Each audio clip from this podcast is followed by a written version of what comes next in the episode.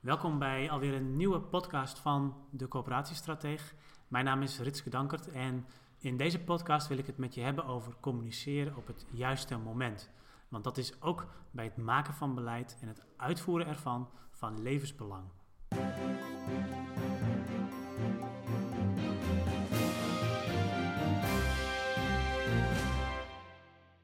Vorige week zat ik eh, in de trein van Nijmegen naar Utrecht. Ik ging naar Utrecht voor een uh, vergadering met een aantal mensen uit verschillende delen van het land uh, om een conceptrapport te bespreken over een visitatie bij een corporatie. Um, goed, ik zat dus in de trein en de trein reed weg uit Nijmegen en binnen een minuut ging de omroeper in de trein af en um, werd er aangegeven dat de trein niet verder zou rijden dan Ede-Wageningen en dat reizigers voor Utrecht beter via Den Bosch konden rijden. Uiteraard uh, typisch een voorbeeld van communicatie op het verkeerde moment. Op het moment dat je namelijk een paar minuten eerder, terwijl iedereen nog buiten stond, had omgeroepen op het station dat je beter via de bos kon reizen, waren heel veel mensen uiteraard nooit in die trein gestapt die niet verder zou rijden dan Ede-Wageningen.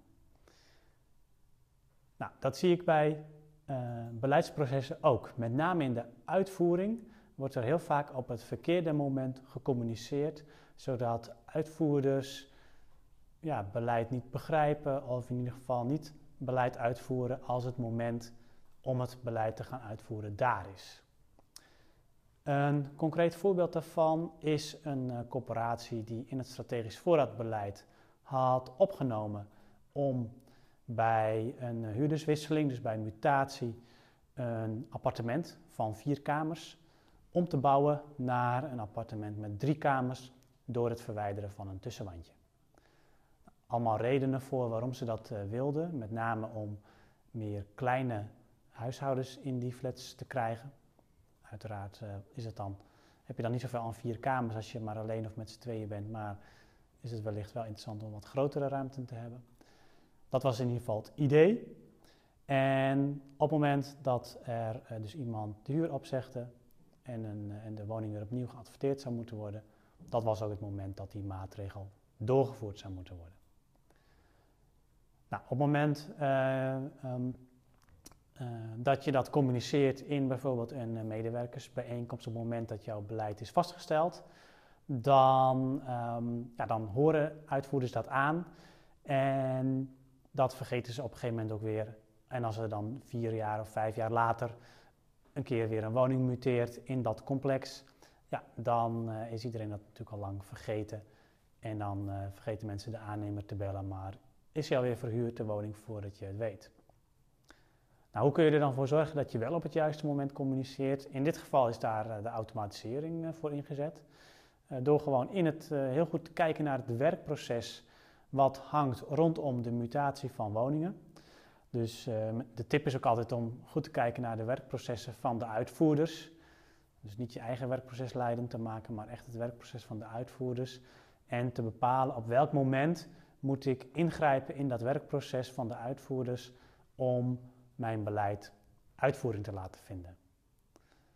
Met andere woorden, je moet eigenlijk pas um, de oplossing communiceren op het moment dat het probleem zich voordoet of dat de kans om het probleem op te lossen zich voordoet.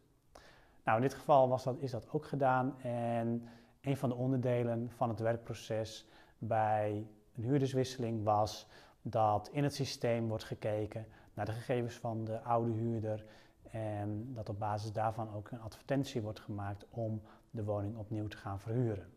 Nou, in dat scherm, daar is aangevuld let op, voordat je die advertentie gaat schrijven om de woning opnieuw te verhuren, zorg ervoor dat je de aannemer belt en dat hij dat tussenwandje eruit haalt.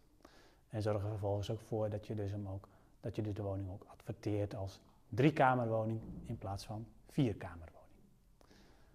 Dat zorgde ervoor dat iedere medewerker, of die nou wel of niet bij die medewerkersbijeenkomst was, of dat hij misschien pas een jaar later in dienst was gekomen nadat die medewerkersbijeenkomst over het beleid uh, was geweest, dat elke medewerker kon op het juiste moment zien wat er moest gebeuren in dat, uh, in dat proces en kon er dus ook voor zorgen dat op het juiste moment het tussenwandje werd verwijderd.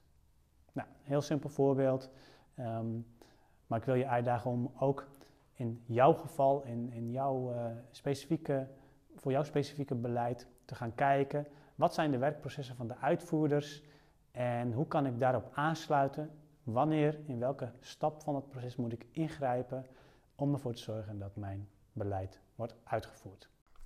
Bedankt voor het luisteren naar deze podcast. Wil je nieuwe afleveringen ontvangen? Abonneer je dan op deze podcast. En kijk ook eens op onze website corporatiestratege.nl voor meer praktische tips en downloads die jouw werk als coöperatiestratege makkelijker maken.